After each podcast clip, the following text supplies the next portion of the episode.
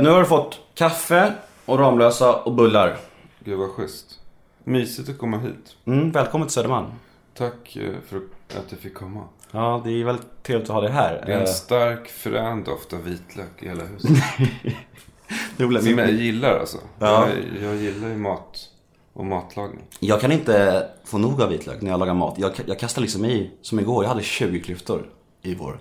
Men, men det måste ju nästan vara, då måste det ju vara som att äta en vitlök. Men det blir ingen stor skillnad på 10 Dödar inte det alla nyanser i smakerna? Jag skulle, ge, jag skulle gett dig portion av maten. Det är min, det är min paradrätt. Jag älskar jag, så här, spaghetti och baconsås som är väldigt, väldigt mycket kryddor i. Och, alltså min flickvän och Linn, hon sa så här. Vad du gör, du måste fan vädra innan han kommer. Jag kommer skämmas som, som fan annars. Har du vädrat? Ja, hela morgonen. Jag har fläktar och Men det vädrar. sitter i väggen Ja, jag vet. om du har 22 vitlökar. Nej, men jag förstår vad du menar med bacon och vitlök och salt. Därför att ibland när man lagar mat, jag lagar ganska mycket Mjölk. mat. Eftersom, är det din mobil eller?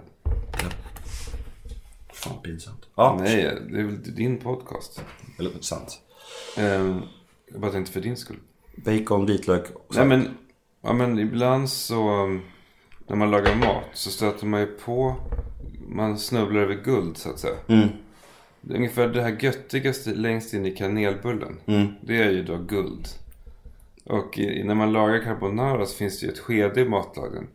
När man har en röra liksom. Innan man lägger på grädde och sånt. Då är det bara bacon, salt, Mm.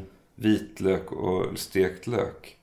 Så man nästan tänker att vad ska jag göra carbonara? Jag kan bara äta det här med sked. Så jävla gott alltså. Ja. Det, det, det är så jävla, det är som koncentrerad njutning. Ja. Ja, ja verkligen, verkligen. Jag, och jag kan äta det liksom. Det fanns en period när jag Är var... du också matmissbrukare? Ja, för nytillkomna, eller vad man ska säga, vi pratade lite innan om att jag har en, är en väldigt beroende människa. Och det kan man verkligen säga att jag är. För att nu när jag har varit nykter i varje 80, 80 dagar är det. Jag tror jag, jag, tror jag har gått upp eh, 8 kilo på dagarna. Eh, och det finns absolut tenden- tendenser till det också. Alltså det är så här. Men det man märker så fort någon pratar poetiskt om mat. Mm. Jag har ju sett på ditt Twitter och så här att du, du, eh, du förhåller dig sensuellt till ingredienserna. Alltså du fotar dem som om de vore en naken kvinnokropp. Ja, ja visst. Då, då har man ju ofta, har man ofta li, lite... Eh, då är man en person som kan stå lutad Mm. över, över vad heter det, diskon. Och äta upp resterna så här, från matlagningen med händerna och sånt. Alltså jag har en krydda som, som, som jag vill bara sprida till hela världen. Den är fantastisk och jag har den på nästan allting. Det är en eh, fryst krydda. Som, jag ska visa den för dig. Om du har sett Jag har den redan förut. sett en bild av Har det. har du sett den? På din Twitter. Du borde använda den för den är helt... Prova den någon gång. Ja, det ska jag. Den är magisk. Men är det inte så att vitlöken liksom bara fräter ut den? Det- Eller, eller kan den överhuvudtaget göra sig hörd? Den gör det. Med vit, I vitlökens högkrydda. Man får ha lika mycket av den på också. så, att, okej. så de inte tar ut för den. Du hör, att, du hör att jag är ganska sliten av... Alltid på fredagsmorgnarna så finns det en märklig mix av att vara jävligt sliten. För att jag klipper ju hela natten alltid. Vårat avsnitt. Och en otrolig känsla av lättnad. För att man har jobbat med någonting i flera dygn. Och man då lägger ihop förberedelserna, inspelningen och klippningen. Så att det är en speciell känsla. Alltså det påminner lite om du vet när man hade gjort prov i gymnasiet. Man var glad att skiten äntligen var över. Anspänningen hade släppt. Samtidigt var man oroad över om man hade gjort dåligt ifrån sig. Mm. Men jag en snabb fråga bara om det. Det här med att du klipper. Alltså hur gör ni med, med eh, innehållsmässigt? Liksom tänker jag att, att eftersom att du klipper så har du sista ordet på något sätt. Säger han till sig att det här måste vara med? Det har jag ju inte för att Alex lyssnar ju. Ja. Så att... Eh, jag... Eh, eller i och för sig, jag är sista ordet ja. I bemärkelsen jag tar besluten på natten. Men jag, det blir, jag är ändå rättvis. Jag ger ju lika mycket utrymme till båda och så vidare. För att han kommer ju ändå lyssna. Jag liksom behandlar ju oss likadant. Jag, jag är ju nästan, jag går ju ut ur jag går verkligen ut ur min egen kropp när jag, när jag klipper. Jag tror att det har man varit skribent så är man ganska van vid det där att, att det nästan jobbas som, split, som en split personality. När du spelar in och sen när du klipper. Det är samma sak som när du skriver och sen redigerar. Det är, jag betraktar Alex och Sigge, de här två rösterna som jag hör, på samma sätt. Alltså lika strängt när jag klipper. Okej. Ja, intressant. För att jag, kom... menar, jag hör, hör ofta så här, va? Är det verkligen smart att klippa sig själv? Och så vidare. Ja, anledningen till att jag klipper fortfarande det är ju för att så pass ofta, nästan varje avsnitt så gör vi saker i klippningen som är en ganska viktig del av innehållet eller av, av produkten. Som, jag, som, som vi liksom redan i inspelningen diskuterar. Och det skulle vara så jävla... Det skulle vara ganska krävande att förmedla den visionen till en klippare varje vecka. Ja, ja, det skulle bli en massa extra jobb. Och... Nu, nu kan jag och Alex, vi har ett otroligt, vi är så otroligt samspelta efter alla år. Mm.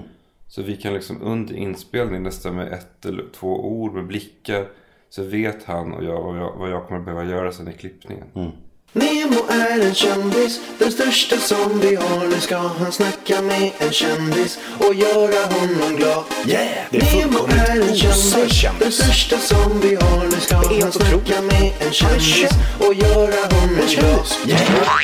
Ja, välkommen säger vi igen då. Eh, vi tänker, jag tänker gå igenom lite olika segment så här. Lite grann, lite frågor som tittare och lyssnare har. Lite frågor som jag har. Och sen, ja, lite olika grejer. Så eh, jag tror det kan bli bra. Vad är liksom, vad är vinkeln på den här podden? Är det Det är... bara att lära känna personen? Det är väldigt olika. Det, Det är finns väl- inget så tema eller röd tråd i säsongen. Alltså det är ju det jag ska ha. Det måste, Man måste ju ha nisch, för annars är det svårt med sponsorer och allt sånt här. Det vet ju du liksom. Man ska ju ha en tydlig nisch. Men, eh, men det blir väldigt olika. För när jag spelar in med, vi säger Mikael Bindefeld, spelar jag in med, då var det ju väldigt mycket straight up intervju. Det var inte så att han frågade, ja Nemo vad tycker du om det? Det var väldigt mycket så här. Sa han att det luktar vitlök också? Eh, Det, det var faktiskt på hans kontor, så det var, Okej. där, där luktade det vitlök. Men när jag spelade in med till exempel eh, ja, Nisse Hallberg, komikern, då var det ju väldigt mycket här kompissamtal, gnabbigt så. Det var väldigt, det var väldigt, väldigt schysst. Ja. Eh, Men jag försöker ha gäster som jag har saker gemensamt med så jag kan hitta ämnen som vi båda kan beröra. Som med Petter till exempel, rapparen. Då snackar vi mycket om ADHD och eh, ja, det här missbrukstendenser och sånt där. Som båda är Ja, sådana. Så det blir, det blir väldigt bra tycker jag. jag förstår. Eh, vad är din uppfattning av mig? Vad vet du om mig? Ehm, nej men du är en... Ja, det jag vet är ju att du var med i Kungen av Tylösand. Eller? Ja. Och att ehm, vi har ju kommunicerat då och då på Twitter. Och att jag redan från början kände att du hade en speciell relation till våran podcast. Eller alltså att du, du sa smarta saker om den. Du blev berörd på ett smart sätt. Och därför så lade jag märke till det. Och sen kom du fram en gång på stan. Mariatorget. Ja, i, i tunnelbanan där. Första- Det var också så här, man, man, man får ju en, ett intryck av någon väldigt snabbt. Jag tror att ehm, då, då kände jag att...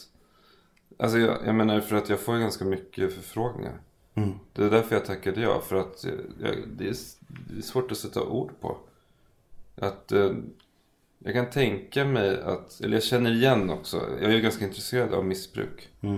Jag känner igen den här blandningen av styrka och svaghet som du har. Alltså sårbarheten och hårdheten i en blandning på något sätt. Som jag tycker är spännande. Mm. Jag Och kommer ihåg, därför tackade jag ja också. det glädjer mig väldigt mycket. Och Men jag vet ju ganska lite om det egentligen. efter idag är det förändrat hoppas vi. Ja, Men jag kommer ihåg på Mariatorget där när jag såg dig och eh, jag sprang fram till dig och jag har aldrig träffat dig. Och jag vet inte varför jag sprang fram. Jag, ville mest bara säga att du, att du, att det var podden väldigt bra. Och då gav du mig en kram. Och jag blev så himla förvånad. Jag, jag, jag var väldigt glad efter det. Jag tänkte så här. Alltså folk ger väl inte kramar bara till höger och vänster. Men du, och du gav en kram innan jag gett en komplimang. Du gav mig en kram som att du kände mig. Du bara Nemo, tjena! Och jag bara, vad fan vi har aldrig träffats. Det var speciellt, jag blev väldigt glad av det. men du känner ju säkert igen det där också. Man, man har ju, det finns ju så här hundratals namn som man känner igen från nätet. Allt från så här Mymlan Ja, ja till precis. Emanuel Karlsten som man aldrig har träffat riktigt. Men jag möjligen liksom stött ihop med på någon, någon, i någon folkmängd. Men, och man har ju en uppfattning om alla egentligen. Mm. Även om den är baserad bara på nätet. Det finns massa sådana namn. Du var ju ändå en, en av dem så att säga. Spännande. Du, jag menar det är ju... Redan när jag började blogga så... Så så jävla sjukt den första blogg... Vad hette det? Bloggmässan eller? Mm. Det ordnades en blogg... Ett blogg, en bloggsammankomst. Okej. Hösten 2005. Ja. Det var faktiskt helt surrealistiskt. För det var första gången, nu är man ju van vid det där. Mm. Att en internetkaraktär får ett ansikte. Men det var helt surrealistiskt. De här namnen, folk som också hade varit ganska kaxiga Mm. i kommentarsfält och sina bloggar. När de kom in där. Ah, och man såg att de var människor. Och många av dem ganska nervösa typer. Mm. Och alla vi såg varandra. Det var så jävla märkligt. Speciell stämning. Idag så vet man ju det. Då visste man inte det. För då tänkte man fan vad de här måste vara coola och kaxiga de här typerna. Som är så jävla bestämda och roliga och snabba på Twitter. Eller Twitter fanns ju inte då. Det En var blogg. 2005. Men i sina bloggar. Alltså tänk vad fan jag känner mig. Jag kommer säkert vara den färglösaste personen i rummet. Och så kommer man in där så inser man ju att nej men vänta. Anledningen till att de har bloggar är ju antagligen att de inte lyckas vara färgstarka i IRL. Precis. Och därför sitter de här vid sina skärmar. Så att det var väl ganska mycket gråa inne. Inklusive jag själv. Jag är ju inte liksom någon, någon högljudd person Nej. IRL.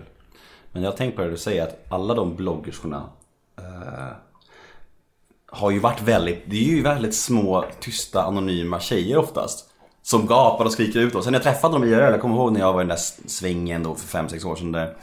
Och jag träffade alla de här Kissy och Pau och Kinsa och de här. De var så himla, de var små vanliga tjejer liksom. Man trodde att de var liksom så här. Ja, men idag vet man ju det. Och så idag när någon, om någon är liksom snabb i käften på Twitter.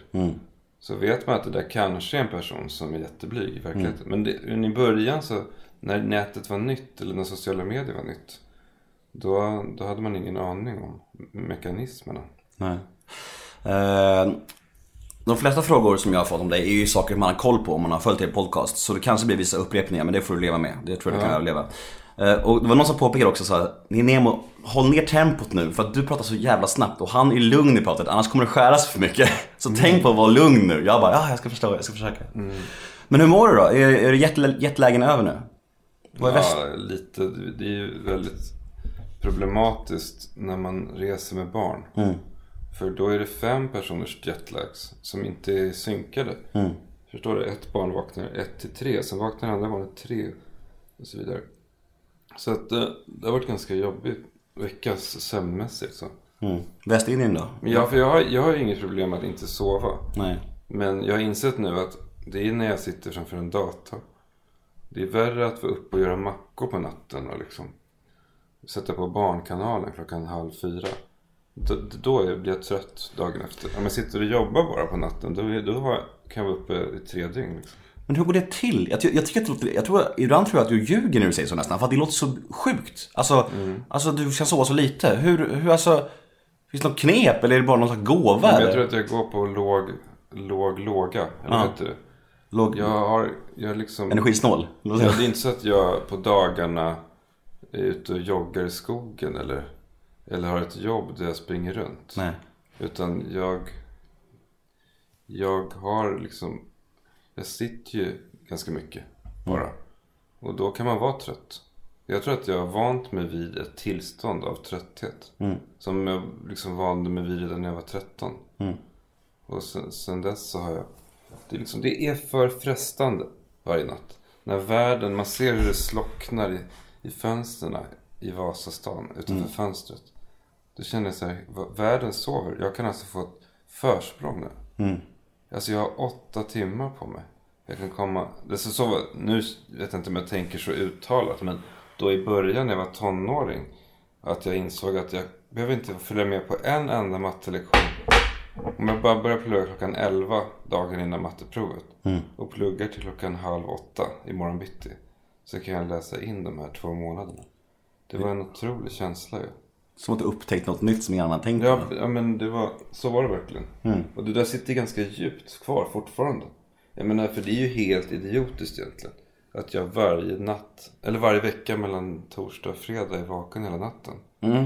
Det är ju inte bra. Men om du inte behöver sömnen, då är det ju helt rimligt tycker jag. Alltså, Ja, men det är klart att jag, jag kommer ju dö i förtid. men du har ju levt med den å andra sidan. Så alltså det är ju, eh, alltså det är, jag har googlat ganska mycket på det här. Och man, det är inte bra för kroppen att, att missa tre nätters sömn i veckan alltså. Nej. Det är direkt farligt. Okej. Man skalar av tio år liksom av livet. Jävlar. Alright. Uh, Jo, du var i Västindien. Jag tänkte lite på det. Eh, vad har du några re resetips till någon som inte är miljonär? Var ska jag ta min tjej, min tjej någonstans i världen? Och det ska helst inte kosta, skjortan. Ja, men det beror ju så mycket på personlighet. Alltså, jag, jag försöker tänka när jag var... När 28. Jag var, eller, ja, precis. Jag var 28. Jag, jag har ju bara rest nästan. Jag har ju rest väldigt mycket till USA. Jag har aldrig varit där, det är så sjukt. Jag måste dit. Jag vill till New York så himla mycket. Ja, New York, problemet med New York är bara att så jävla förnedrande att gå omkring där utan pengar. det är så va? Att se. Därför har jag, när jag sen började tjäna pengar så tog jag revansch på 25-åringen som gick runt där med noll kronor. Alltså man liksom, alla, alla hotell som man sneglade in på, inte hade råd med, de vill man bo på. Alla så här underbara små kaféer, restauranger. Allt det vill man nu besöka. Mm. Men, nej men jag vet inte fan alltså. Det är ju att vara, att, att vara, att, att resa till ett ställe bygger så otroligt mycket på att ha nyckeln in till det stället. Alltså jag, jag förstod in mig inte på Paris väldigt länge. Alltså det var som att jag var, när jag var i Paris var det som att jag såg det på TV. Alltså där är Eiffeltornet, men, men, och där är Triumfbågen. Och där är ett litet café som ser parisiskt ut. Men jag, jag kunde liksom inte bryta igenom. Och sen plötsligt hände det någonting. För att jag hade någon som liksom kunde ge mig, ta mig in i staden. Alltså in till stadens själ eller vad det heter. Och sen dess är Paris någonting helt annat för mig. Det är bara, det är bara att konstatera att om någon kom till Stockholm och gick av på Arlanda och tog en taxi in till city. Och så bara gick den av taxin och gick omkring. Då kanske den hamnar på Kungsholmen och går omkring på Fleminggatan. Ja, det måste jag tycka att Stockholm är ganska trist. Verkligen. På samma sätt så har det väl varit med mig i Paris. Att jag bara gått omkring och, och sett vad som händer. Det har inte hänt någonting. Nej. Jag menar bara att ett restips är att åka till en plats där man har en guide eller en nyckel. Och New York har ju blivit så speciellt för mig därför att min bror har ju bott där så länge nu att han är nyckeln. Han tar mig in till helt nya miljöer, alltså in i lägenheter och in i människors liv och upp i olika skyskrapor. Och det blir någonting helt annat då. Alltså ett, ett New York som inte jag visste fanns. Fattar. Ja, vi får, fnula på det, resmålsfrågan. Ehm, kunde ni egentligen någonsin ana att det skulle bli så stort, podden och så här? Var det, hur, hur var tanken när ni satte igång? Var det så här, vi ska bli stora eller bara kul grej att snacka av sig? Eller vad var liksom tanken? Mm, vi var ju båda väldigt fascinerade av det som Filip och Fredrik gjorde. Mm. Jag såg det dessutom inifrån eftersom jag klippte deras podcast. Så att eh, jag tror både jag och Alex i, under ett och ett halvt år innan vi började podda. När vi lyssnade på Filip och Fredrik. Varje vecka tänkte att det här skulle man vilja göra själv. Men de var ju så pass bra att på det de gjorde. Mm. Att det kändes omöjligt att ens försöka. Jag har ju ofta tänkt att de, deras, den höga kvaliteten på deras podd då 2010, 2011, 2012 fördröjde ju, bromsade upp hela den svenska podcastutvecklingen. Alltså den svenska podcastboomen har egentligen kommit efter, alltså den kom ju först 2014 egentligen. Jag tror att den fördröjdes för att de var så otroligt skickliga. Det var ju liksom världsklass verkligen. Verkligen. Det råkade vara så att deras personligheter passade så jävla bra för formatet podcast. Att den som lyssnade på det kunde inte annat än att tänka att det här kan jag aldrig göra. Sen så, sen så, sen så förstod vi ju att vi kanske kan göra någonting annat då ändå. Men, det, men vi var så pass rädda för att låta som en, liksom, en vag kopia av Filip och Fredrik. Men tror De var så jävla snabba ju. Ja. Associationsrikedomen. Det som hände i ens huvud när man lyssnade. Att de tog en på en så sjuk resa i huvudet. Mm. De började på ett ställe. Och så bara kastades man fram och tillbaka och slutade på något annat ställe. Det, Alltså jag fattar inte hur de kan komma ihåg alla sidospår. Det är, för mig är det helt mindblowing alltså. När de, när de kommer iväg så på ett sidospår, ett till, ett till, till. Kommer man tillbaka till första, man blir bara så här. För jag blir så här, vad, hur, jag glömmer bort det direkt. Alltså, de, är så, de är så smarta på det sättet. Det är imponerande. men särskilt jag som klippte vet ju att hur också tajta de är. Mm. För jag och Alex är väldigt mycket att vi tar om och eh, alltså särskilt jag. Liksom, som du säger, man tappar bort sig eller man måste sitta tyst en liten stund och tänka efter. Vad fan är vi på väg nu? Vad har vi varit? Och så vidare. Medan de, de liksom satte det direkt. Ja. Och också så här, när man hade pratat färdigt om ett ämne så bara Okej, vi tar det här om Reinfeldt. Och så bara en sekunds paus och så bara började de på nästa ämne. Mm. Det var liksom Det var så jävla imponerande att höra hur det fungerade bakom kulisserna. Jag kommer ihåg när, när det var i, var det Berwaldhallen? Heter det det? När de gjorde- Berwaldhallen, Berwaldhallen. När de gjorde avsnitt 100 där. Du presenterade dem då, eller hur? Ja, där, jag var där. Ja. Hade ni börjat med på då? Eller det var Nej, precis, ja, jo. precis i början va? Jag tror det var det. Jo, har du nog rätt i. Eller nej. Jag tror inte det, för jag tror inte jag visste vem du var när, när, jag, när jag såg det där du presenterade. Jag hade halvkoll på så här media, hmm, typ, inte så mycket. Jag bara, vem är det här typ? Nej, men det tror jag inte att vi hade börjat. Nej. För att det kan vi lätt räkna ut. De började i oktober 2010. Ja. Och det här måste ju då varit oktober 2012. Jo, då hade vi nog börjat. Mm, precis började. Say hello to a new era of mental health care. Cerebral is here to help you achieve your mental wellness goals with professional therapy and medication management support. 100% online. You'll experience the all new Cerebral Way, an innovative approach to mental wellness designed around you. You'll get a personalized treatment plan from a therapist, prescriber, or both in a safe and judgment free space. Your cerebral therapist or prescriber will outline a customized plan with clear milestones along the way so you can get to feeling your best. With Cerebral, you're not alone in your mental health journey. We're here to empower you to live a fulfilling life. So take that first step towards a brighter future and sign up today at cerebral.com slash podcast and use code ACAST to get 15% off your first month. Offer only valid on monthly plans. Other exclusions may apply. Offer ends July 31st, 2024. See site for details. 2012. Ja, du ser. I alla fall, eh, men tror du att det fanns någon, för ni gick ju ändå om dem i lyssnare. Eh, och tror, tror du att det fanns någon irritation kanske är fel ord, men en- någon slags avundsjuka på att ni gick om dem och blev så rasande framgångsrika? För ni, alltså ni, ni har ju ändå liksom ja, blivit svinrika och svinstora på det här. Och att, vet du, uppfattar du det som att de var lite såhär, fan, de vann över oss? Jag tänker aldrig på dem som dem. Nej, dina vänner. Har, nej men därför att de är så olika för mig. Min relation till Filip och min relation till Fredrik är... Jag, jag har bara träffat Filip själv. Jag har aldrig träffat dem ihop så mycket. Okej. För att jag bodde i LA, granne med Filip. Mm. Och då jobbade jag och han ju med eh, det programmet som hette 90 Leaks. Och Mm. med deras föreställning som hette Jakten på försvunna Mm. staden. Och med amerikanska projekt och sådär. Och eh, sen, och Fredrik och jag har en liksom vänskap i Stockholm. Så att då upplever de som ganska två olika personligheter och vi har två olika typer av vänskaper. Så därför så har de liksom, jag ser dem som två, jag ser inte dem som en enhet på det sättet. Jag förstår. Sen har det ju, som jag och Fredrik träffas så pass ofta och pratar ganska mycket om hur man ska göra, hur man känner inför det här med att göra podcast och hur man ska göra det och så vidare. Så är det, det är liksom, det känns som att han är med där hela tiden. Det finns liksom inget utrymme för avundsjuka eller så. Nej, jag förstår. Men kan De har ju dessutom, det, det är så, här, de, de, deras, deras, alltså det, funktionen för deras podd, för dem är ju en helt annan än funktionen för våran podd för oss. De har ju deras huvudsakliga skyltfönster för att liksom uttrycka sig på är ju TV. Podden är ju mer ett, en, ett sidoprojekt för dem. Men för mig och Alex är ju podden det huvudsakliga liksom. Så att det, vi jobbar ju på olika sätt. Men ja.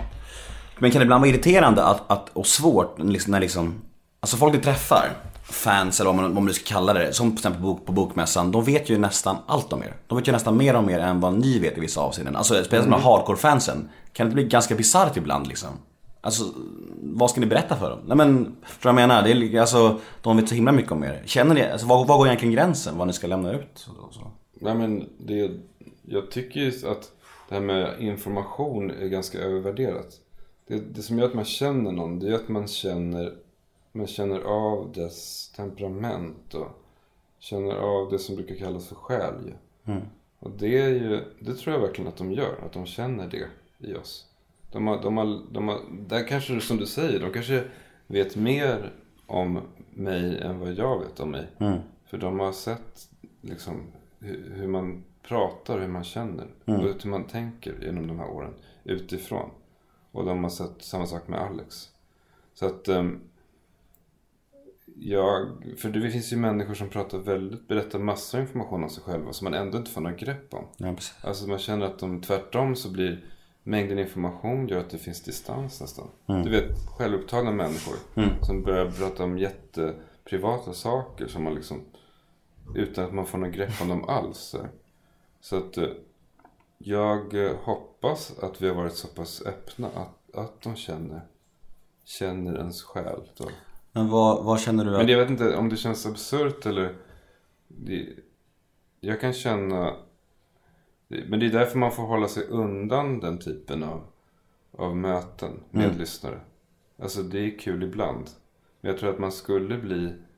Man skulle nog... Det skulle nog vara svårt att göra en podcast som är av det här slaget. Om man skulle träffa lyssnare hela tiden. För det skulle, man skulle bli för medveten om det. Jag tror att Alex och jag lever ganska så isolerade liv. Man går hem till barnen. Man ligger i badet och läser. Man kollar på TV med sin fru. Sen går man till poddinspelningen och då är vi bara vi två i ett rum. Sen så klipper man den, lägger ut den. Sen går man hem igen. Och så vidare. Man, det är inte så att vi ser lyssnarna. Nej. Annat än på Bokmässan till exempel. Eller så.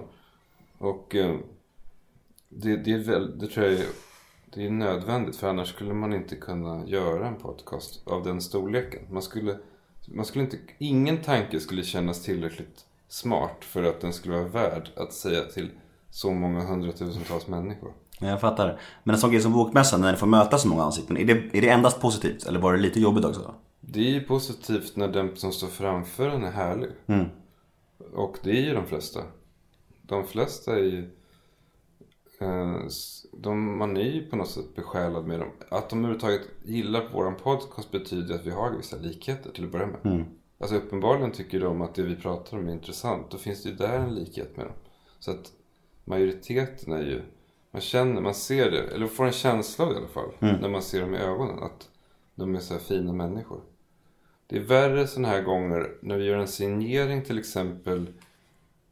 Som är på ett ställe. För det finns ju sådana arrangemang också. När vi dyker upp någonstans utan att någon vet att vi ska komma. Okej, ja. Och, och det är folk som kommer fram så här. eh, Jaha, det är ni ja. Ja, jaha. ja. Alltså, jag har inte någon jättebra, det är jättebra intryck av er ska jag säga. Men jag tar och köper väl en bok då. Och så här, du vet när man känner att den här karikatyren av oss som mediamän eller självupptagna, eh, giriga och sånt där. När man ser det i ögonen, då, då blir, känner man plötsligt sig otroligt naken. Då känner man att, vad fan har vi gjort? Vi måste lägga ner den här podcasten. Vi har öppnat upp oss så här.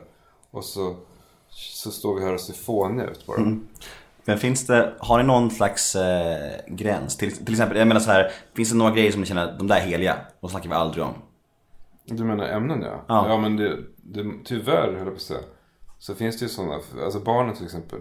Alltså, Alex har ju en fördel där för hans barn är så pass små. Men mina barn är så pass stora att de har ju till och med klasskamrater som lyssnar.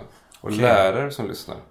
Det är Fan, bisarrt, alltså. Ja, men det går ju inte så att jag kan ju inte berätta om dem. Nej. Vilket är jävligt frustrerande ibland för att det är så otroligt intressanta saker som händer med en 10-åring och en 12-åring. Och jag som fortfarande är, har också en 10-åring och 12-åring i mig. Det är otroligt komplicerat att, att vara förälder för att man är ju inte någon expert på det. När, man, när man är yngre och ser någon som kommer på gatan med barnvagn. Då tänker man att hon eller han är nog expert på det här med barn. Man tänker "Vad- jag, jag kommer aldrig kunna bli så där. Sån där duktig förälder. Nu när man har barn man att den där människan med barnvagn är helt förvirrad. Den vet inte vad den har hamnat i. Den försöker förstå. För att man, så fort man har blivit expert på en fyraåring. Då är barnet fem. Så man, blir all, man är alltid helt, hela tiden ny på att ha barn. Jag fattar. För att barnets, nej tack, barnets ålder förändras. Så att när man precis har blivit så ganska bra på att ha småbarn. Då är barnen plötsligt 10-12. Och det är man ju helt, det är helt nya spelregler. Och så är man dålig igen då som förälder. Det är intressant, jag tänkte faktiskt tänkt på det när du säger att man, man tror ju att folk som har så bra koll på att de är expert på, att de är expert på vara Ja, föräldrar. men det är för att vissa också spelar ju Experter. experter, fast de inte är. Ja. Det är ju faktiskt otroligt underhållande med föräldramöten. Är det så? Det är så mycket känslor som är liksom som, är, som finns i rummet. Mm. Folks, det som ställs öga mot öga med sin synen på sig själv som förälder. Och många spelar vuxna. Mm. Jag blir nästan tvärtom. Att jag vill typ ha på mig någon jag vill ta på mig barnsliga kläder, ungdomliga kläder. Jag, jag blir nästan, jag blir så illa till mods om jag själv känner att jag spelar vuxen där. Mm. Det är så nära, tycker jag. Minnet av att jag själv var elev i skolan är så nära att jag blir helt förvirrad. Alltså det blir helt snurrigt när jag sitter där. Jag vet inte om det är en omognad i mig. Men jag, du vet när jag sitter på kvartssamtal till exempel. Då känner jag att det är jag som är där på kvartssamtal nästan. Jag förstår. kan liksom inte... Man måste liksom så här, nypa sig eller vet, ge sig själv En en örfil. örfil för att vakna upp. Så det är jag ska då... Jag är förälder. Det är läskigt alltså. Kan, men kan det, kan det göra dig lite... Alltså, det finns ju fördelar och nackdelar med det. Fördelen är ju att jag, jag minns väldigt, väldigt väl hur det var 10 eller 12. Till och med att vara 5. Så att jag kan nog... Det gör att jag kan undvika vissa saker. Som, jag hade, som vissa föräldrar gör misstag tycker jag. För att de inte riktigt minns hur jag var barn. Men nackdelen är ju att jag inte på vissa plan är helt vuxen ju. Alltså att jag kan hitta en räkning på golvet liksom. Som är så här en månad gammal. Alltså att jag inte har de här strukturerna riktigt i huvudet. Men är det svårt, jag tycker att det är svårt att ge råd och sånt till ba- barn med tanke på att du säger att du själv ofta känner så mycket barn själv. Då är det ganska, du har ganska stora barn ändå, de börjar bli stora nu Det tycker jag Du- inte. Men däremot som du kommer upptäcka när du får barn. Så samma sekund som du ger råd så skapas en klyfta. För om man sitter och spelar Playstation ihop. Då är man ju som, då är jag ju som en 12-åring. Då, är vi, då är det ingen klyfta. Kompisar. Sen kanske vi går in och lagar mat. Då är det fortfarande ingen klyfta. Sen om jag vänder mig till min son och säger ett råd om hur han ska leva sitt liv. Är det så paradoxalt för då blir det plötsligt en klyfta. När jag, samma sekund som jag ska vara vuxen så blir, blir det en klyfta. Så det är ju problematiskt. Man får vara listig då istället. Bä, bävar du inför att ha en tonårsdotter? Nej. Det är så långt bort, är ett annat liv. Hon är bara fyra. Mm. Alltså det, det... Jag ser väldigt lite framåt. Mm. Eller jag ser inte framåt. Jag kan inte se framåt. Det, är liksom, det går inte med barn. Nej. De, det är helt omöjligt att veta. Hur de kommer vara då, hur jag kommer vara då. Mm. Har jag, har jag liksom lärt mig. Men är barn som du trodde, trodde att det skulle vara? Nej. men på vissa plan kan man ju... Men nej, nej. Det är ju... Det man inte visste är ju att de är så färdiga personligheter redan som spädbarn. Man trodde ju att de skulle formas av en eller så. Det man förstår är ju att uppfostran är mer att, att så här, skydda dem från olyckor typ. Det är inte så att jag kan forma dem. Nej. Jag kan ge dem en stabil uppväxt. Men de är ju färdiga. Det är ju det är den enda förklaringen till att barn som växer upp i samma hem kan vara helt olika. Det är för att de har den där kärnan i sig från början. Det är, det är så jävla tydligt ju. Fan vad intressant, för jag har alltid, jag har alltid sagt så här att min uppväxt Vi har sex syskon och eh, mina föräldrar var ganska frånvarande och att det har gjort Att det formade mig till att bli en bekräftelsesökande människa för att jag inte fick så mycket uppmärksamhet som liten Man kan nog födas bekräftelsetörstande. Ja. Jag tror att det finns släkter som har, precis som det finns släkter med stora öron. Ja, Så finns det släkter som har det där hålet i bröstet. ja, Alltså att det är fysiologiskt. Det är ju... Det är ju det är, det är inte så säljbart. Det är inte så... Det låter inte lika spännande. Det låter, vi människor är ju hårdprogrammerade att se konsekvenstänkande på allting. Alltså att någonting leder till någonting annat. Det var ju bra för arten för 50 000 år sedan. Att vi såg att saker hängde ihop. Att vi trodde att saker hängde ihop. Det är det som gör att vi är medvetande. Det här med kaos, orsak och verkan. Problemet är att vi, har liksom, vi är så hårt programmerade att vi, vi läser in det även i våra relationer och i vår utveckling. vi tror att allting hänger ihop. Att mina föräldrar var så och därför blev jag så här. Men det säger sig självt egentligen. Alltså, hur... jag tänkte på det här om dagen när vi flög hem då, från semestern. När man blickar ner på de här städerna. Ordningen i gatorna. Alltså det är helt otroligt ju. Då förstår man ju hur hårdprogrammerade vi är. Hur lika vi är allihop. Hur, hur våra beteenden är så djupt rotade i oss. För annars skulle det inte vara så här raka gator. Nej. Alltså, att alla städer ser likadana ut också i princip. När man ser dem uppifrån.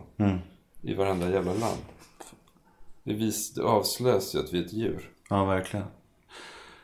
Ja, gud. Ja. Jag kan bara sitta och lyssna. Men jag tycker det är skitfascinerande. Ja, Men ehm, det, det, det är viktigt tror jag. För att då kanske man inte behöver anklaga sina föräldrar så mycket. precis. Om man liksom är redan den man är i mångt och mycket.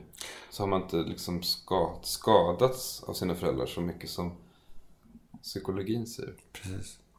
In- Innan vi satte satte på inspelningen så sa, då påpekade du några tweets som jag hade skrivit. Både nu och länge sedan. Jag tänker så här. Du följer ganska många. Alltså har du koll på alla? Eller är det bara, har du bara, bara, bara bra minne? Eller så här? Jag, jag var helt förvånad och fascinerad att du kom, vi kommer ihåg vissa saker. Men har du, har du stenkoll på alla du följer eller? Ja, jag vet inte. Ja, det, det, vad fan. Man följer väl dem för att man är intresserad av dem. Ja, ett, Och absolut. minns man dem. Men ja, jag vet inte. Nej, Jag tänker vissa, vissa följer så här 1500 personer, då tänker inte jag att man kan ha koll på alla kanske. Men... Skitsamma, det var bara en nyfiken tanke. Uh, angående poddgrejen, vad tycker du är det roligaste och vad är det jobbigaste med att ha en sån framgångsrik podcast? Eller med att ha podcast överlag. Vad är det roligaste och vad är det jobbigaste? Det roligaste är ju att formatet är så pass öppet fortfarande. Alltså att den enda begränsningen är ju en själv egentligen. När man ska göra en timmes ljud. Då kan det, det kan bli så. Det kan, vara, kan bli helt olika saker ju. Alltså man kan ju jobba med musik. Med, man kan ha helt olika typer av samtal och så. Det, det känns väldigt fritt. Så egentligen så. Jag har ju märkt att alla de här drömmarna jag har haft om att göra film och skriva pjäser och skriva böcker och sådär. Att de drömmarna känns mindre och mindre akuta. Därför att jag får, man kan göra så mycket i podden. Man skulle, jag menar de bästa poddavsnitten är ju lite filmiska nästan. Det, är det, som, det blir som en berättelse med, som nästan är lika lång som en kortare långfilm. Som den där sago, sagovärlden. Ja, alltså den bästa, de bästa avsnitten de har ju början, mitt och slut och de hänger ihop. Och det blir som en resa i huvudet. Det, det händer ju inte såklart varje vecka. Nej. Utan ganska sällan. Men uppenbarligen går det att göra det i en podcast som jag har velat göra i film. Så att det är ju det, är det bästa med det att, att det här kanske är ett format som, som är det man behöver typ. Om man är en person som vill försöka uttrycka sig eller försöka få folk att bli berörda. Det är ju den stora fördelen. Nackdelen är ju, det finns inga jättestora nackdelar annat än att vi gör det så ofta. Det går ju liksom inte att samla på sig så mycket nya intryck varje vecka. Hur många timmar spelar ni in när ni spelar in? Ja, mellan två och en halv och tre. Okej. Och det blir ju då en timme ungefär. Så att ibland när man får så här tweets som säger Kan ni inte lägga ut ett oklippt avsnitt en gång? Eller så här, vad händer? Måste ni förbereda er så mycket och så vidare? Vi vet ju exakt vad som händer. Det är ju ganska ointressant. Det är för mig så är det så jävla tydligt när jag klipper. Antingen så händer någonting eller så händer det ingenting. Alltså det finns samtal som vi har som där det inte händer någonting. Det är bara ett samtal mellan två personer liksom. Ja. Det är, inte, det är inte innehåll. Nej. Och sen plötsligt kommer vi in på något ämne och då, det är som en lampa som tänds. Det här är innehåll och då får det vara kvar så att säga. Sen kanske det innehållet ibland inte är spännande. Men jag känner att jag har laserblick för det efter alla år. Rutin, övning ger färdighet. Men vet du, men har, inte du otroligt less på era röster? Nej. Borde jag vara det kanske? Nej, jag tänker att det, jag tänker att det är ganska mycket jobb tänker när du sitter och klipper. Det, det tar väl ett tag att klippa det där, eller? Nej men jag var inte less på Filip och Fredriks röster heller. Nej. Fast jag hade klippt nästan 200 avsnitt då. Ja. Därför att det är inte röster. Det är, jag är intresserad av, det är så jävla spännande med dramaturgi och struktur. Alltså hur klipper man det här materialet så att det blir någonting att ha? Men det finns ju oändligt mycket vägar att gå. Har du varit suttit bredvid någon som har klippt rörlig bild någon gång? Film och så? Ja, det har Eller har du till och med klippt själv? Nej men jag har suttit bredvid jag gjort. Mm. Då inser man ju så här att om man bara lägger till två sekunder att den här personen, att man ligger kvar i blicken när den personen tittar på hon som står där borta. Så blir det en helt annan laddning i, i scenen. Om jag klipper från honom till henne där, då blir det en, annan, en tredje laddning och lägger den här scenen som tredje scen istället för andra. Då förändras hela, det är liksom, det är, det är fortfarande stimulerande att klippa. För att det är så jävla mystiskt. Vad är det som händer? Man, det finns inga bra svar på det. Man kan ju ha teorier om vad som händer. Om jag klipper bort, som i natt till exempel. Jag lyssnade då på avsnittet i badet. Det brukar jag göra så om jag hinner. Att klipper kanske fram till tre eller fyra. Sen så tänk, låtsas jag nu är det färdigt. Så lägger jag mig i badet som en lyssnare. Och eh, då var, det, då, då var det en passage på typ 10 minuter. Som jag klippte bort. Och då blev det nästan svårt att förstå vad vi pratade om. Därför att, men samtidigt gjorde det det hela mer spännande. För att lyssnaren blir medverkande på något sätt. För anledningen till att vi spelar in så länge tror jag, det är för att vi är så övertydliga. När jag klipper så inser jag att lä- lyssnaren är mycket smartare än vad vi tror. Alltså samma misstag varje vecka alltså. Alltså om man ska prata om Så mycket bättre. Då börjar man med att säga, ska vi kanske säga vad Så mycket bättre är för någonting? Det är alltså ett program och så, så bara man förklarar varenda liten grej. Och sen när man klipper inser man ju att det finns så mycket broms, det bromsar upp så mycket. Och det kan vara, det är som sak, det finns ju filmmanuslärare som tipsar om det att man kanske ska testa att stryka varannan replik. För att tittaren är så smart.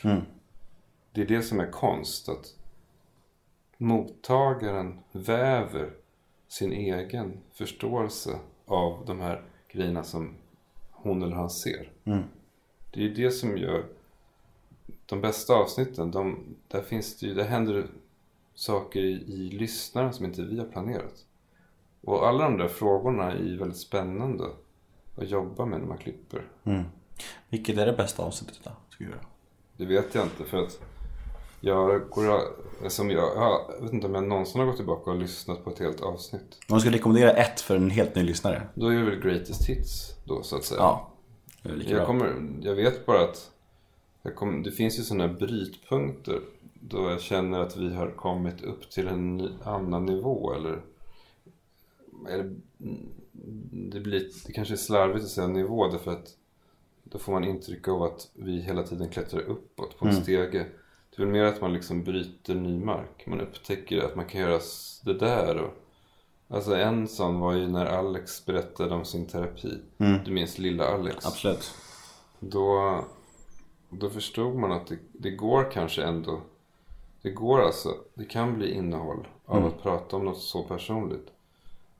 För att eh, det kan också bli kladdigt ju. Eller sentimentalt. Det är ju alltid svårt. Om vi blir berörda i, i inspelningen. Till och med gråter. Då är det inte alltid att det kommer med. Nej. För att det kan verka ko- koketterande. Även om det är helt ärligt i stunden kan det låta som. När man lyssnar sen i klippning kan det låta som att vi gillar att vi börjar gråta. Det är ju, och det måste ju då bort. Ja, ja. Det är nog hår- fan hårfin gräns där alltså. men det, är, det är så sjukt för det är helt andra naturlagar i inspelningen än i lyssningen.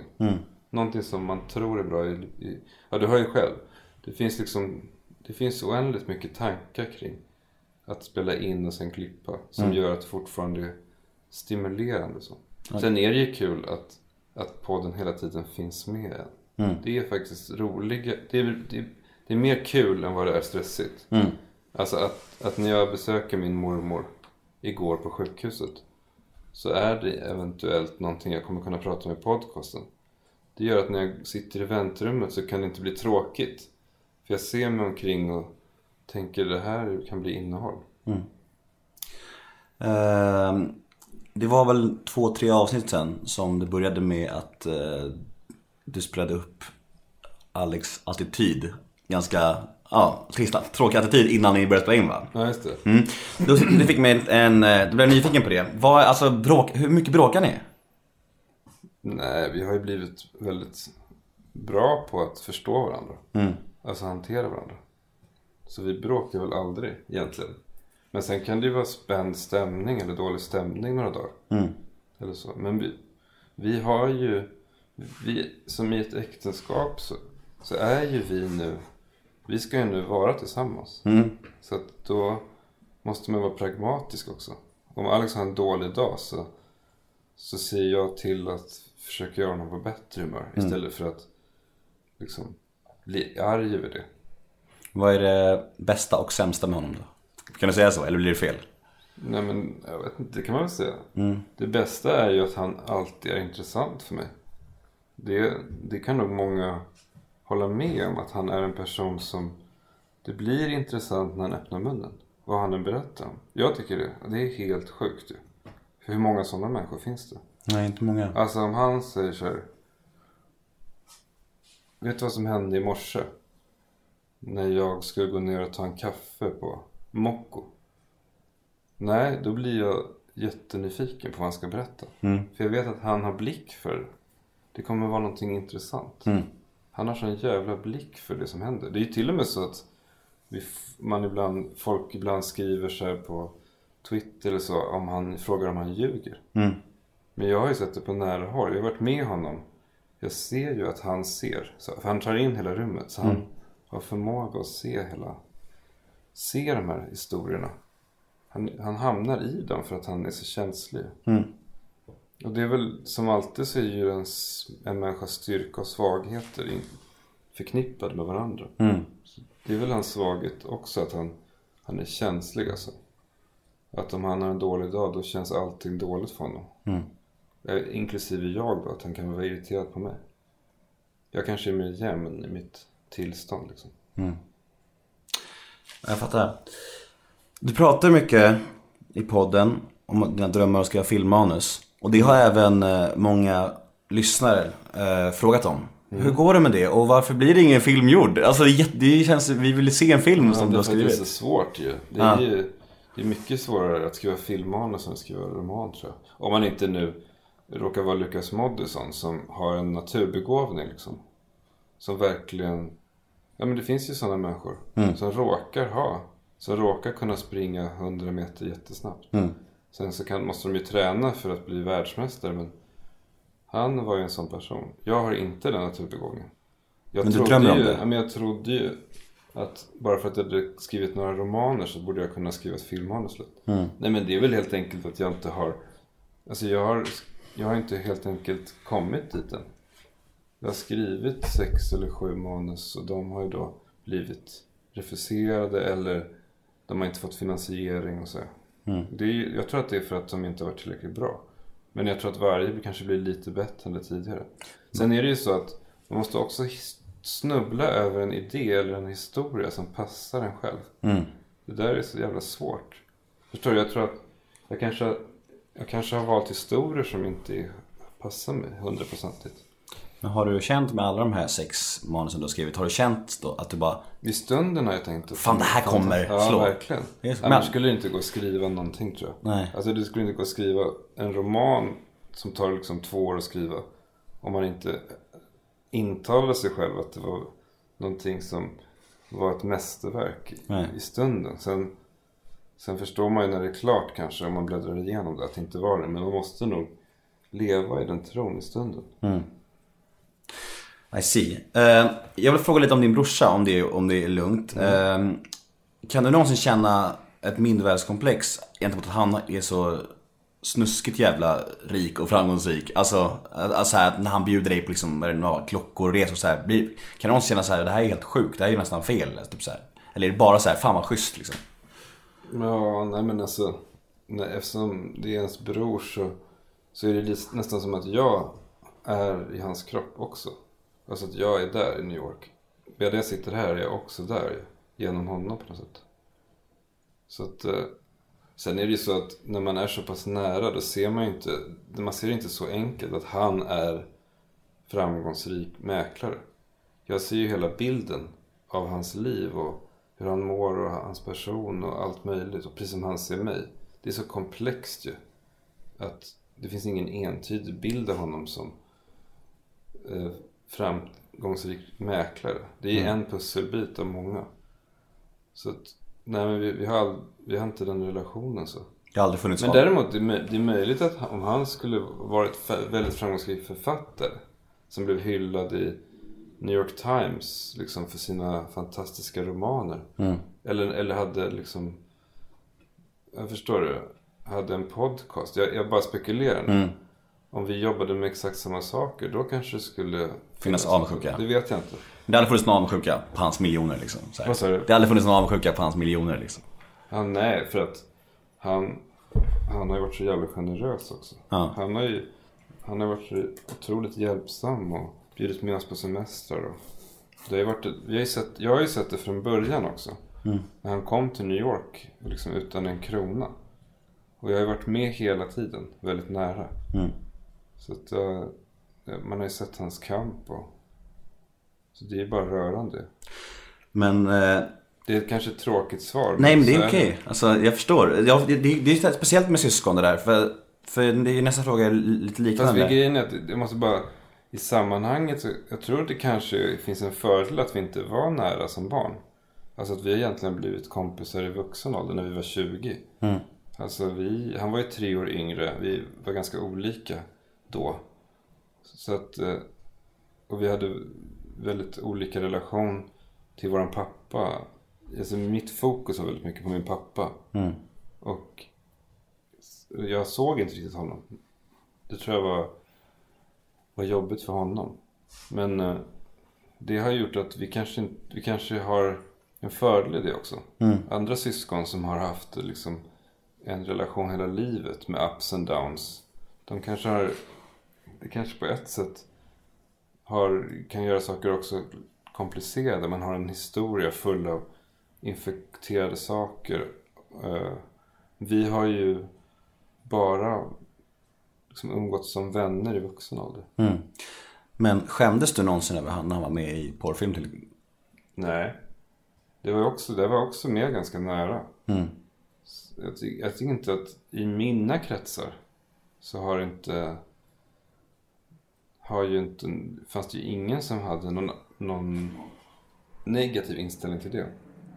Alltså, ja, vi bodde i Göteborg då. Bland mina kompisar så betraktades det som någonting coolt eller spännande. Att han testade porrbranschen. Och Nej, jag tycker det är intressant. Men hade, däremot så vet jag inte om, om det hade hänt nu. Alltså när, när jag är då offentlig och så. Och han är det. Eller när, förstår du? Där man hade fått fråga om det på ett annat sätt. Då kanske det hade varit jobbigt för att man hade behövt hantera folks fördomar om porr och, och homosexualitet och så. Men då, mitt liv var så litet då. Bodde i Göteborg med små barn. Och eh, mina kompisar som sagt hade ingenting emot det. Nej.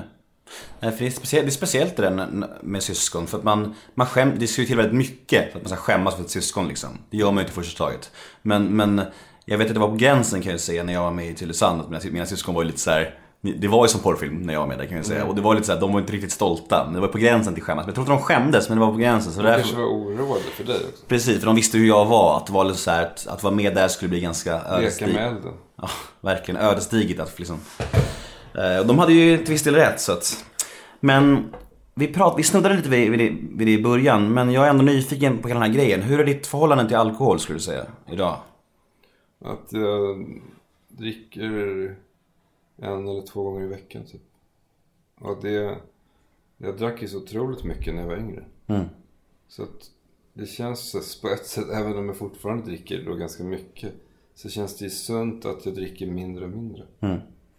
Men jag, jag har ju någonting fysiologiskt, alltså jag, eller jag vet vad det är. Jag har väldigt snabb förbränning. S- Som gör att, vilket har räddat mig, tror jag. För vi har ju alkoholism i släkten och så.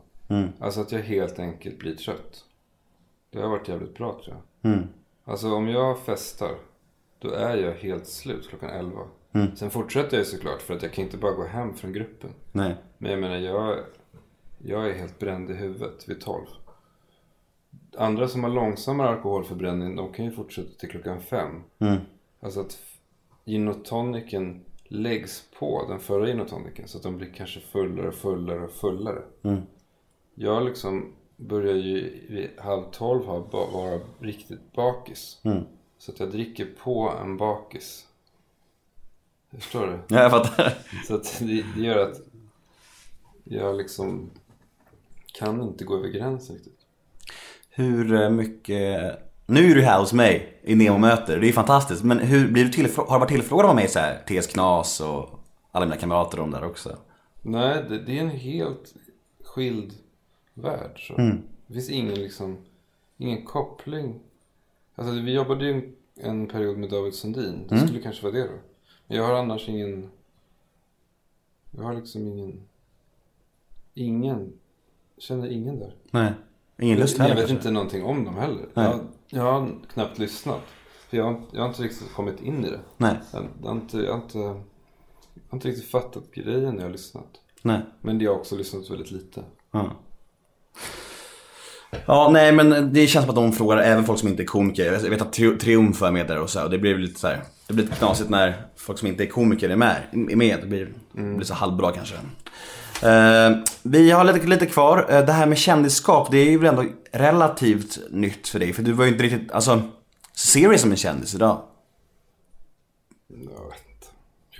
Du är ju en offentlig människa i alla fall. Ja, Hur trivs du med det? Jo men det, jag vet inte hur, det märks ju på så märkliga sätt ju. Mm. Och det märks ju inte överhuvudtaget på, under ganska långa perioder. Mm. Nej men det, det märks ju för att folk kommer fram på gatan. Mm. Tycker du om det? Ja, för att de har ju ofta, eller de har ju alltid då hört podcasten. Mm. Och om de kommer fram så är de ju då positiva och snälla Mm. och så. Så det är ju härligt. Jag tror att det som är det som är jätteviktigt med att vara offentlig som jag inte riktigt visste innan som är, som är den positiva aspekten av det det är att man har att man kan ta kontakt med folk som man gillar Mm. eller man kan träffa folk som man gillar och diskutera projekt och så. Mm. Och man behöver inte först övertyga dem om att man har något att komma med. För de har antingen hört podcasten eller man har en gemensam vän och så. Mm. Den typen av... Det är liksom, ja, om... Det fanns ju ganska många år då jag var på väg att bli bitter alltså. Alltså då jag hade panik. Nästan. Alltså när jag var i din ålder alltså. Mm. När jag var 28, 30. Jag kände att liksom, jag var helt... Jag skrev böcker och jag skrev massa och jag skickade det överallt och ingen... Det var som att jag stod och bankade på en dörr som inte öppnades. Mm. Nu är dörren öppen alltså. Om jag skulle ha en idé till en musikal eller till en film eller någonting eller tv-serie. Så skulle jag ju kunna få ett möte. Folk De lyssnar. skulle lyssna ja. Det är ju... Precis. Sen, är inte, sen måste man ju också ha idén då. Mm. Men det är i alla fall, det är väl den stora fördelen. Mm. Men just den här offentligheten, tycker du om när folk typ såhär, mm, ta en selfie med dig? Är du, ty, tycker du, du bara, ja visst. Det är otroligt kul därför att det betyder ju att, att den här... För att det var så många år då ingen brydde sig. Jag förstår.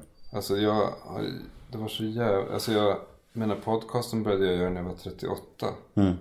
Det är ju verkligen liksom, det är så kul att någon bryr sig. Mm. Men hur är du gentemot kändisar då? Alltså har du någonsin blivit riktigt jävla starstruck? Mm. När skulle du säga det var som störst? Eller när var det helt så här, shit det är den människan? Nej men jag var det hela tiden när jag var yngre. Mm. Men alltså i takt med att man har sett, jobbat nära kändisar. Så vet man ju att det är inte vad man tror och så vidare. Och framförallt så tänker jag mer och mer att, eh, att talanger ramlar ner i någons knä. Mm. Alltså, Håkan Hellström är ju inte sin musik riktigt. Han är en person som är lika chockade som vi över att han har fått det här i sitt knä. Mm. Det är ju liksom, det är, det, det låter ju liksom, alltså skulle Paul McCartney komma in här i rummet så skulle jag säkert bli eh, darrig och tycka att det var coolt. Men Men även Paul McCartney är en person som har råkat få det här i sitt knä. Den här begåvningen. Jag, jag, jag ser inte längre, för när jag var yngre så såg jag verkligen jag, jag, jag har träffat Lars Norén några gånger genom åren. För att, genom gemensamma bekanta på gatan och sådär. Så jag kan, jag kan liksom mäta min reaktion på honom. Jag kan jämföra hur jag reagerade på honom 1996 och 2006 och 2015. Och det är en så här sund utveckling kan jag tycka i mig själv. Att första gången det var ju som att Gud själv kom gående. Han var sina pjäser. Alltså, Det var som att pjäserna kom gående med två ben. Nu tänker jag att det är en person som har råkat få de där pjäserna i sitt knä. Alltså från en typ högre värld. Det är märkligt Alltså, jag tror att jag, skiljer personen och så jävla kul när, jag tror att det var Mel Brooks. Ja men Mel Brooks blev intervjuad av någon som sa så här, jag älskar dina filmer. De är otroliga. Och så blev han tyst och sen sa han, men jag då? så jävla kul ju. Ja. Han- Då har man ju förstått det där att det är två olika saker.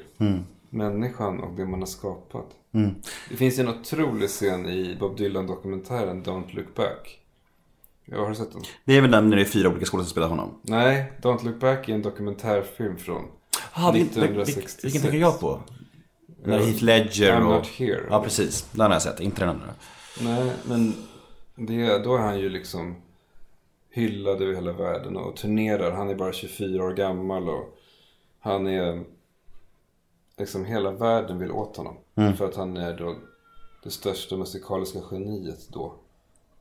Då finns det en scen när han spelar i ett hotellrum med massor av groupies. Så liksom tjatar de på honom tills han till slut tar upp gitarren då. Och då spelar han It's all over now baby blue.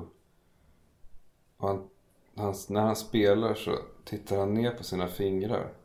Och han skakar på huvudet liksom och ler. Det är som att han själv inte fattar vad fan han har fått i knät. Alltså vad är det här för konstig grej som bara rinner ur mig? Man ser att det är så jävla tydligt i den scenen tycker jag. Det är vackert. Och det, är just, det gör att man, när man ser kända personer så, så är den- de inte längre, jag ser inte längre dem som förkroppsliganden av det de har gjort. Det går, jag, tycker, jag tycker att det går väldigt snabbt från folk att bli kändisar till att bli människor när man väl träffar dem. Väldigt, väldigt snabbt. Eh, Verkligen, det tar ju några sekunder. Ja, jag kommer ihåg, jag tror att Vattenfestivalen, vilket år var det här? Alltså när- 98 kanske. Farsan spelade där. Eh, min farsa spelade klaviatur, först med Sund, Stefan Sundström och sen med Weeping Willows. Eh, och då var Johnny Cash där, med hela sin familj. Och jag kommer han satt där med alla sina barn och June Carter, det var, de var ju typ åtta pers. Johnny Cash family. Och då var det, det gick så snabbt för att han, för in, först när han kom in var alla såhär åh shit Johnny Cash ville säga alla bara åh jävlar. Men sen gick det snabbt, så satt han där med sitt barn i knät och matade. Då var, då var det helt plötsligt bara, helt plötsligt var han bara liksom en gubbe som var med sina små barn liksom. Det tog kanske 10 sekunder, sen var det liksom, det var så här. Ja det går snabbt det där. Vi har två stycken brev som jag vill ta upp. Eh, ett kanske du kan bli, du kommer inte bli sur, men jag vet inte om du blir svarig, vi får se. Hej Sigge, jag kan uppfatta det som att ni har lite förljugen marknadsföring i er podd ibland. Exempel, när ni talar er varma om Oatly och deras miljötänk för att sedan i nästa stund hylla Max och deras briocheburgare. Det rimmar rätt illa. Hur tänker du kring integriteten i dessa samarbeten med sponsor? Mm. Men, men vi får ju så mycket, vi får ju så mycket förslag. Så, så, det är så många som vill sponsra en podd som har så många lyssnare. Så att vi, det är ju väldigt enkelt ju. Att vi blir förtjusta i vissa personer egentligen. Eller sponsorer och produkter. Alltså produkter som man helt enkelt gillar. Men alltså, det, här, det här, vad heter det? Tangerar ju den här diskussionen om, om hur man ska engagera sig i flyktingkrisen. Att man måste ju kunna känna sig väldigt engagerad i miljöfrågan. För att nästa dag vara sugen på hamburgare. Det, jag tycker inte det finns någon motsägelsefullhet i det. Nej. Så är ju människan. Och eh, vi, vi är väldigt noggranna med att försöka hitta det i oss som, som tycker om den här produkten. För att, eller vi, jag skulle faktiskt kunna säga att Jag tror inte vi någon gång har gjort ett sponsinslag som vi inte tror på. Därför att vi, om vi, om vi gör ett sponsinslag så hör ju vi direkt om vi inte är på humör eller om vi inte... Då tar vi oss i kragen och så tar vi om det. Tills vi hittar något sätt att liksom berätta varför vi överhuvudtaget valde den här sponsorn från början. För att annars blir det dåligt för, för lyssnaren och för oss och för sponsorn. Det blir bara hemskt ju. Om man hör att vi inte är, är, känner för den här produkten. Ja, jag tycker det är ett bra svar. Tack. Du blev inte kränkt av frågan va? Ja, nej. Jag får ju den så ofta så att... Hade Alex blivit kränkt av frågan? Nej, det tror jag inte.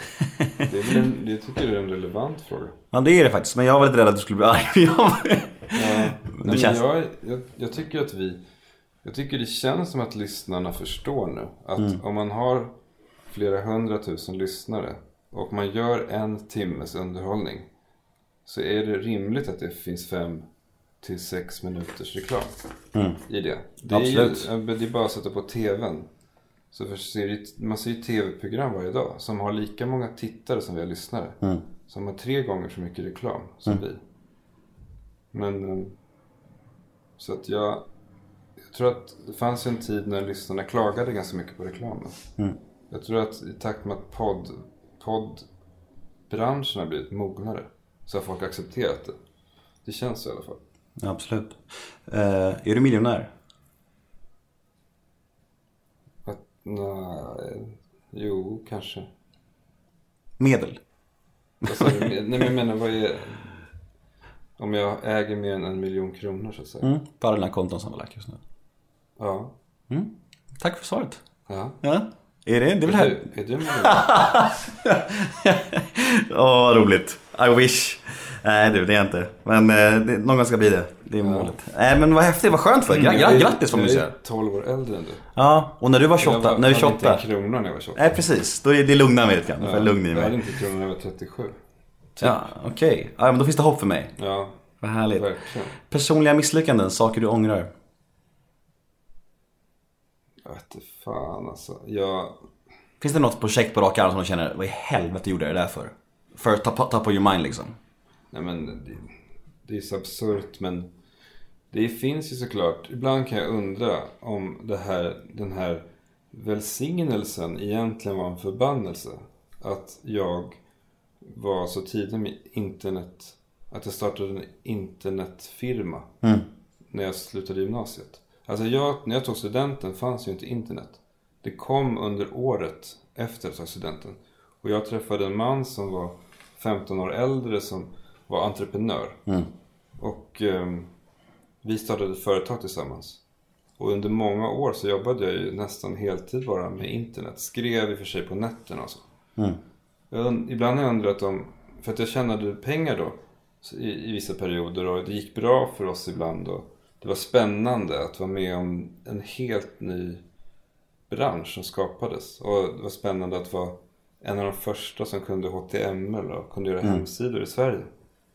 Men ibland har jag tänkt att, att eftersom jag nu inte jobbar alls med internet längre. Om jag liksom har, om det var tio år som gick liksom till spillo där. Alltså det, om jag inte hade börjat jobba med internet, hade jag istället då kanske fokuserat på det här med skrivande eller underhållning eller humor? Alltså för det dröjde ju så länge nu. Å andra sidan så jag tror jag att anledningen till att podden är bra är att vi har de här erfarenheterna i oss.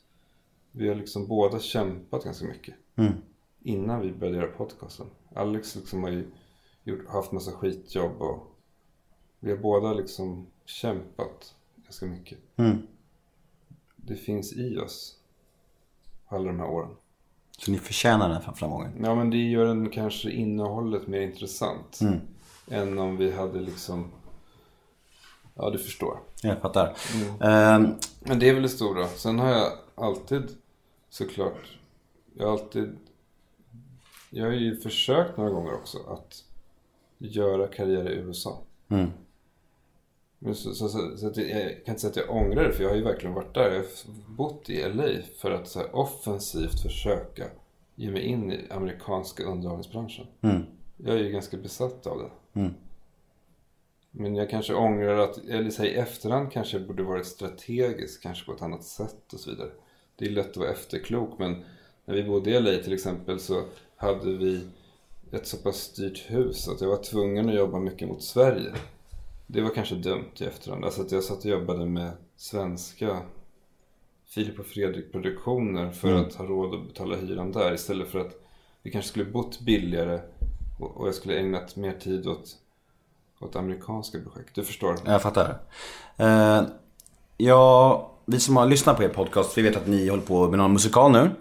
Mm, ja, Ja, mer eller det är mindre. inte säkert att det blir någon. Okej. Men vi, har, eh, vi, har, vi håller på fundera på det. Vad är annars i görningen framöver? Vad är drömmarna och framtiden liksom? Ja, vi ska göra en till föreställning Mm. om, om typ ett år. Har ni någon eh, tes om vad det ska handla om liksom? Så här? Nej, vi, vi, vi måste komma på det. Det blir ett, blir ett nytt bollningsmöte med vissa Ja, men- kändisar. Ja, kanske. Men det, det, det, var ju, det är ju svårt för att man måste då... För att man ska ju börja sälja biljetter i regel ett halvår innan eller Mm. nio månader innan. Jävlar alltså. Ja, så att vi, hade, vi var ju liksom tvungna att komma på ett ämne som inte var tillräckligt snävt men ändå, jag förstår du? Så Mm. meningen med livet kändes ju som en... Brett. Det, här, Det var ganska det, brett. kan, det kan liksom, där kan vi få in Allt. vad som helst typ. Ja. Sen så hamnade vi, sen satt vi plötsligt där. Mm. Och det var ju otroligt svårt. Ska vi, ska vi förklara meningen med livet under kvällen? Det måste man ju nästan göra. Det kommer kännas som att man blir snuvad på konfekten annars. Fast jag, fatt, jag såg föreställningen, jag fattar inte meningen med livet. säga. Nej men, men du förstår när man satt och skrev den. Ja, jag fattar. Så tänkte man ju så här, hur fan ska vi förhålla oss till det? Mm. Att man kanske, man i alla fall borde kanske presentera något förslag på slutet. Mm. Vi hade ju ibland, du vet, ta- tankar som var naiva såklart. Men att tänk om vi lyckas få alla att känna. Alltså även om det skulle vara en illusion. Mm. Tänk om man kan sätta dem i någon psykos där inne. På cirkus. Att 1600 pers upplever mening med livet. Mm. Vore Vi pratade till exempel om att man skulle liksom, du vet, köra ut någon rytm i högtalarna. Mm. Sätta dem i någon slags trans. De skulle hålla varandras händer. Alltså man skulle gemensamt försöka ta sig in i en känsla av Mm. att man trans, är eller? i meningen med livet. Så Ja. Det var ju liksom väldigt förvirrande. Ja, cool. Ehm, jag har ett litet segment som heter ett ord om. Jag ser fem offentliga människor, så ska du säga första ordet som kommer i ditt huvud. Jag är så trögtänkt på det. det är okej. Vanligtvis brukar jag ha Alex Schulman med bland en av de fem. Men jag tar bort honom och byter ut honom mot, sin, mot hans bror idag. För att det är roligare. Så vi börjar då. Ett ord om. Kalle Schulman. Humorgeni. Marcus Birro.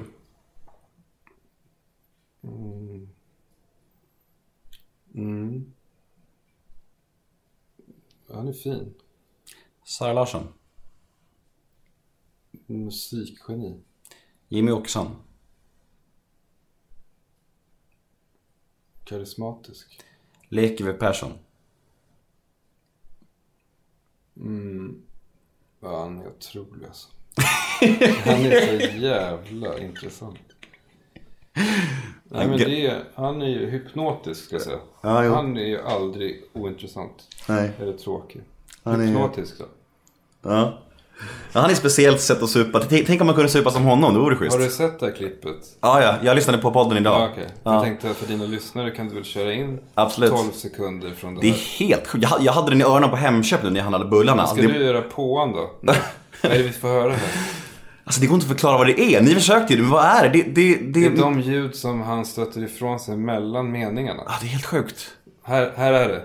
Ja, det, ja, det, det, det och, och, och där var då in, in,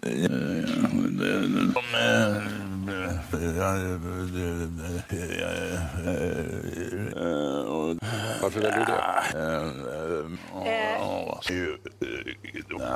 Ja. Precis. Det är, det är som, som du sa, det är som att han alltid vill höras. Konstant. Han ska alltid liksom vara... så jävla kul alltså.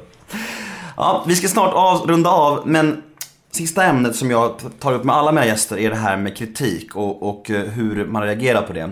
Hur är du med kritik? Alltså om någon kommer till dig och säger Fan, den här boken var usel den var. Eller till exempel, er föreställning vad dålig den var. Hur tar du det då? Blir du ledsen då eller rinner det bara av dig? Ja, alltså, vi får ju så mycket kommentarer hela tiden. Att, eh, att eh, det är, de förhoppningsvis så balanserar de ju ut varandra lite. Och man får liksom, sen är det ju, det är inte så att en negativ kommentar är lika tung som en eh, positiv. Den negativa är alltid tyngre. Är. Men säg att man får, om man vissa dagar får fem positiva för varje negativ. Då jämnar de ju ut sig. Men det finns ju vissa formuleringar som gör ondare än andra. Eller som liksom skär igenom. Vad är det jobbigaste? Och du Vågar vågar säga det? Eller kommer alla säga det då till dig? Ja, nej men det är lugnt. Det är- Vad är ondast liksom? eh, ja men, jag vet inte om jag kan komma på det riktigt. Men det är väl när man såklart är medveten om det själv. Mm. Alltså det är ju som i all kritik. Särskilt då om man känner att man har gjort ett halvdåligt avsnitt. Eller att man verkligen liksom har försökt vara rolig eller så. Och någon påpekar att det där var uselt. Liksom. Men då kan jag tänka mig att sketcherna var ganska jobbiga att bli kritiserade för. För där vill ni ändå vara roliga liksom. Om folk Ja, säger... det var ju ganska förvirrande erfarenhet överhuvudtaget. Jag, jag fattade aldrig det där riktigt. Jag, Hur nej, gick det till när ni... När ni, när ni, när ni... men jag fattade aldrig för att jag tror problemet var att vi, eftersom vi gjorde 24 stycken på så kort tid. Mm. Jag tycker ju att det finns kanske 7-8 där som är väldigt bra. Mm. Men de, de kanske drunknade mellan de liksom, 15 som var dåliga då. Men jag tycker fortfarande att det är lite konstigt att de inte blir mer uppskattade än vad de blev. Mm. Alltså jag tycker vissa, har du sett dem? Mm. Jag har sett eh, nästan alla. Jag tycker begravningsentreprenörer är väldigt rolig. Jag menar det, det finns ju några där som är Vilken tycker du är bäst? roliga. Om du skulle rekommendera någon till folket liksom. Ja men begravningsentreprenören är bra. Och även Meningen med livet eller vad den heter. Alltså vad heter den? Avrättningen. Mm. De, alltså elektriska stolen. Och jag tycker den där också, lä- läraren. Jag gillar ju också App-miljardären. Mm. Alltså de här två, när Alex, och, Alex Schulman och David Sundin ska presentera en app för en miljardär. Det är liksom, de, de, det finns, jag ser det ju såklart på ett annat sätt. Jag tänker ju alltså att det finns också filmiska kvaliteter i vissa av dem. Att det blir en stämning där. Som är ganska liksom spännande. Men så att då skrattade själva åt det när ni, när ni, liksom, när ni kollade på Ja, men det. de är inte alltid roliga. De är ju mer, vissa är ju mer konstiga. Så Mm. jag, Jävligt jag gillar skruvade. ju den som handlar om två personer som kommer in i ett väntrum hos en psykolog. Och Mm. båda tror att den andra är psykologen. Har du sett den? Mm. Att de liksom börjar ifrågasätta varandras terapimodell. Mm. Eftersom de inte, ja. Men, eh, ja men det, Det lå- låter som du är lite besviken på att de inte blev större. nej, men jag, nej men jag förstår inte riktigt. Nej. Jag förstår inte. Men en förklaring skulle kunna vara Alltså för att jag tycker att vissa av dem är så pass bra. En förklaring är att det var så många som var dåliga mellan de bra. Mm. Det är den rimligaste förklaringen. Ja, ja, nej, det finns en ännu mer li- rimlig. Okej. Tror jag. Att ingen är bra. Nej, det är att hur skulle jag känna om Filip och Fredrik skulle göra sketcher? Mm. Jag tror inte jag skulle kolla. Jag tycker att det skulle vara jobbigt att se dem Mm. apa sig. Alltså att man har, man har en, de här två kompisarna i hörlurarna. Mm. Man vill att de ska vara som man känner dem. Man vill inte att de ska göra någonting annat. Att om Peter Jihde skulle göra sketcher. Ja. Även om de skulle vara bra så skulle man tycka att det var genant. För han ska inte göra sketcher. Nej. Förstår du vad jag menar? Att det är kanske därför folk inte kollade. Men hur, det, hur stora är de? Så här, klick, För det är inte så, clickwise? för det är inte så, precis. Det är inte så att folk tycker att de är dåliga. Det är att folk inte har sett dem. Ja. De har ju otroligt få views. Hur många views har de i snitt? Nej men alltså vissa har ju 100 000 men de flesta kanske har 60 000 eller 50 000. Ja. Och det är ju väldigt lågt om man tänker på hur många som lyssnar på podcasten. Ja, verkligen. Så att det känns nästan som att folk har tagit ett medvetet beslut att de vill inte se oss försöka vara komiker. Folk är ihop bakom er rygg kanske bara. Nej men de kanske inte vill, alltså de kanske vill behålla Du vet att ibland när man köper en pocketbok Mm. Så är det på omslaget Filmatiseringens huvudpersoner Alltså typ Brad Pitt Mm. Eller Matt Damon Då känns det som att, ibland kan det kännas Som att det förtar någonting från läsningen På samma sätt menar jag att Man kanske vill ha de här låtsaspersonerna som man, ens bild av dem ska vara intakt Som man har i hörlurarna Man vill inte se dem göra halvdåliga sketcher Det är intressant. När du, för det här är ju of- ofta så att böcker blir filmer. Har det någonsin varit så att det är tvärtom? Att en film blir bok sen? Ja, det vet jag inte. Lite knepigare kanske, men... Jo, men det finns ju massa exempel förresten. Alltså, eh, just ungdomslitteratur och sådär. Mm. Att man släpper böcker om Star Wars och så. Okej. Men det är ju mer såhär, alltså typ såhär tecknade, Ja, ja, mer. un- ungdomsbranschen. Ja, pocket så här. Ja. Eh, ja, men vi, ja, vi är inne på kritik. Men när har du mått sämst? Eller vad får du riktigt, riktigt jävla ångest av i livet? När får du svår ångest? Har du haft mycket ångest i livet överlag? För du känns ändå som en ångest, Tidigare kanske. ungdomen. Alltså så, så känns det som ångest nu? Nej, nu känns jag ganska lugn. Ja. För nu har du en miljon på kontot. Nej men det, är det någon som mår bra av pengar? Nej, det är sant. Det är väldigt sant. Men jag tänker att eh, det är en tid när du var 28 som jag kanske. Nej men det, jag tror att det var faktiskt, det var ganska plågsamt. Att, att vara en person som skriver men ingen ville läsa. Alltså att sälja så få böcker, att, att inte vara, vara hörd. Kände Det du? var, det var, jag, nu, jag hade nog förnekat det, eller jag förnekade det ganska bra i stunden. Men nu efteråt kan jag se att jag var nära att bli bitter. Alltså att det hade inte varit bra. Nej. Om inte den här podcasten hade hänt så hade, det, hade jag nog inte varit någon skön typ. Nej. För att jag började bli irriterad. Liksom man öppnar tidningen och så ser man folk som man tycker är mindre Begåvade. bra på att skriva böcker än en själv få hyllningar. Alltså det, man känner att vad fan är det för sjuk värld vi lever i? När personen X får vara på TV och vara rolig fast han inte är rolig. Eller personen X får släppa böcker fast hon inte är bra på att skriva. Alltså det, det kändes som att man var i Twilight Zone. ibland. Men men gick du alltså runt och typ och kände så här att du var mer begåvad och grym än vad du fick cred för? Typ. Nej men ibland, men andra dagar undrade jag ju, jag kanske är helt obegåvad då. Du kanske har missförstått, missförstått allt, vad som är begå- begåvning liksom. Men så tänker jag ju fortfarande såklart. Det gör ju alla. Alltså att man inte, man inte alltid vet vad man har sig själv.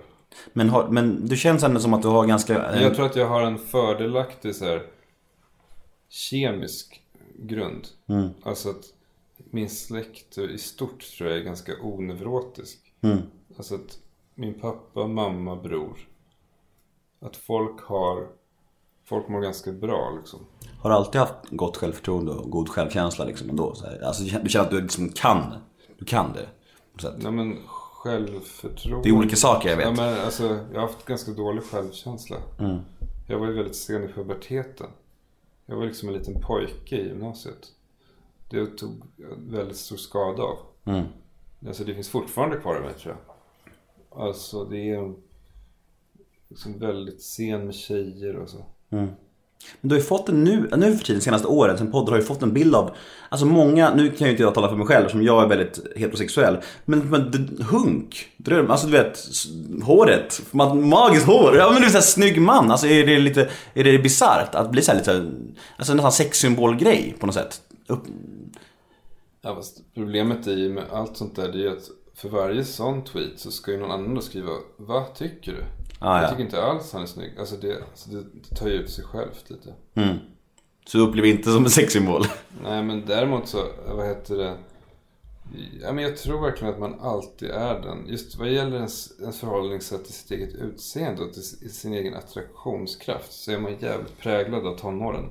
Och eftersom jag var så otroligt oattraktiv då så tror jag nog att det alltid kommer finnas i mig. Att jag tänker att jag är det. Eller, alltså det är inte så att jag går omkring och tänker att jag är groteskt ful. Men den osäkerheten finns där. Det- Du har rätt för att det, alltså, det som händer i, i ungdomen och puberteten och sånt här Det sitter kvar i livet. Jag märker det nu. Alltså, så fort jag får en enda finne, jag får typ panik. Jag tänker så här: shit jag är så finnig! Du vet så här, Bara för att jag har finne i ungdomen. Associeras ja. Jättekonstigt alltså. Hundar eller vad heter det? Jättekonstigt alltså. Eh, jag tror jag blir klar. Ja, härligt. Ja, jag är jättenöjd och glad. Eh, Du har väl en podcast också? Vill du, tip- vill du tipsa om den eller? Ja, just det. Alex och Sigges podd. Eh, Men om man vill nå dig, jag vet inte, skriva ett mail eller så. Finns, har du någon mail eller någon? Eller, Nej, eller man Facebook? kan ju twittra. Ja, det kan man göra, absolut.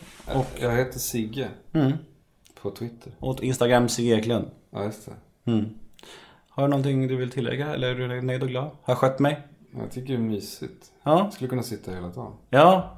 Det går väldigt snabbt. Och jag, jag blir så här, jag, jag kan bara sitta och ställa en fråga sen sitta och lyssna bara. Då är det som att jag lyssnar på podcasten. Jag tycker heller inte att det kändes som att, för det du sa när jag kom, att, att eh, det fanns oro för att du skulle prata för snabbt och jag för långsamt. Nej. Det kändes bra. Absolut. Jag är väldigt nöjd och tacksam. Och eh, jag heter Nemo Hedén på Twitter och Instagram. In och gilla oss på Facebook. Nemo möter en vän. Och eh, Hashtaggen är Nemo möter. Och jag säger tack till Sigge Eklund. Hej! Hi!